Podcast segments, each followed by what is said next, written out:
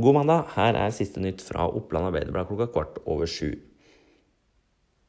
En mann i 20-åra er kjørt til Gjøvik sykehus etter ei utforkjøring på fv. 51 ved Fagernes. Mannen kjørte en lastebil og skal ifølge politiet ikke være alvorlig skadd etter ulykka. Det skal ikke være store trafikale problemer på stedet heller. Kiwi-butikken på Lena er den butikken i matvarekjeden som selger flest jordbær i juli.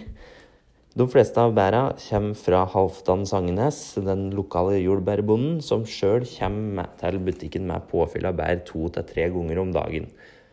Kunsten er å selge ut bæra hver dag, slik at de er ferskest mulig, sier butikksjef Tom Løkken til OA. Du kan lese mer om jordbærsesongen på oa.no. Svein Håvard Korshavn fra Høyre i Gjøvik mener det er urealistisk med parkeringshus i Røverdalen. Ifølge Korshavn så er både Høyre og Senterpartiet kritisk til å bygge ut dette parkeringshuset, som de bl.a. mener blir altfor dyrt. Korshavn uttaler seg etter at det i det siste har vært nye diskusjoner om hvordan parkeringssituasjonen i Gjøvik sentrum skal løses. Norway Cup ruller videre i dag, og Oppland Arbeiderblad følger turneringa tett på nett. Klikk deg inn på oa.no for å både se og se kampa direkte og få resultatoppdateringer. Ha en fortsatt fin mandag.